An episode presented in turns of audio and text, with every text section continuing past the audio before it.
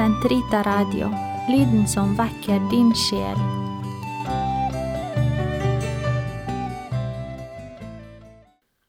Den katolske kirkes katekisme, uke sju, torsdag, paragraf 1153 til 1158.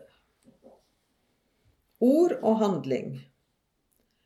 En sakramental feiring er et møte mellom Guds barn og deres far, i Kristus og Den hellige ånd, og dette møtet uttrykkes i form av en dialog, ved ord og ved handling. De symbolske handlinger er jo i seg selv talende, men de må ledsages og gjøres levende av Guds ord og troens gjensvar, slik at Guds rikets såkorn bære frukt i godt jordsmonn. De liturgiske handlinger betegner det Guds ord uttrykker, nemlig på samme tid Guds frie initiativ og folkets troende gjensvar. Ordets liturgi er en vesentlig del av de sakramentale feiringer.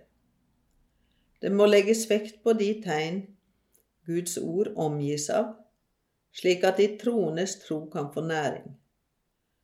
Boken med Guds ord, leksjonarium eller evangeliebok, æresbevisninger, prosesjon, røkelse, lys, stedet det leses fra, ambon, høy og tydelig opplesning, prestens familie i forlengelse av den, forsamlingens svar, svar, meditasjonssamler, salmer, litanier, trosbekjennelse. Det liturgiske ord og den liturgiske handling er ikke bare uatskillelig som tegn og undervisning, det er det også fordi de virkeliggjør det de er tegn på. Den hellige ånd gir ikke bare å gripe Guds ord ved å vekke troen, Gjennom sakramentene virkeliggjør han også de Guds storverk ordet forkynner. Han gjør nærværende og formidler det Faderens verk, Hans elskede Sønn, har utført.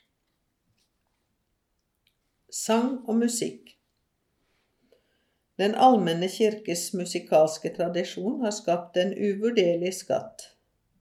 Når ingen annen kunstnerisk uttrykksform har frembrakt noe som kan sidestilles med den, skyldes dette først og fremst at kirkesangen, som jo er knyttet til ordene, utgjør en nødvendig og integrerende del av den høytidelige liturgi.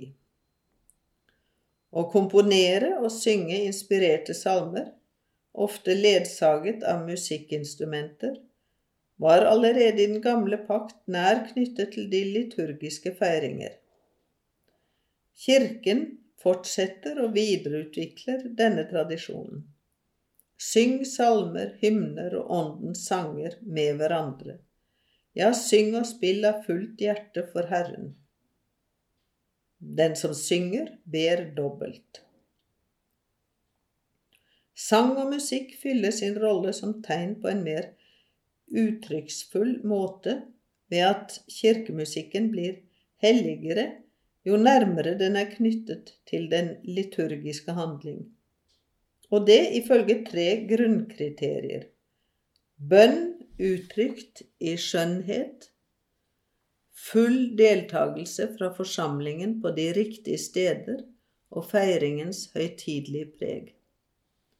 Dermed har sang og musikk del i det som er målet for ordene og den liturgiske handling Guds ære og de troendes helliggjørelse. Hvor jeg gråt da jeg hørte dine hymner, dine sanger, den søte klang som gjenlød i din kirke. Hvilke følelser som skyllet opp i meg. De bruste inn gjennom mitt øre og nedfelte sannheten i mitt hjerte. Jeg ble løftet opp av fromme følelser, og tårene rant på mine kinn, men de gjorde meg godt. Harmonien mellom tegnene, sang, musikk, ord og handling, blir her mer uttrykksfull og fruktbar jo mer den gir uttrykk for den kulturelle rikdom hos det Guds folk som feirer liturgien.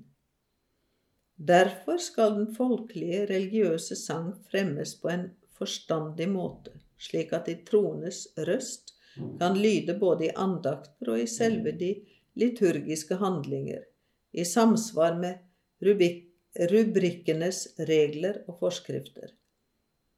Men tekstene til bruk for kirkemusikken skal være overensstemmende med den katolske lære, og skal dessuten aller helst være hentet fra Den hellige skrift og liturgiens kilder.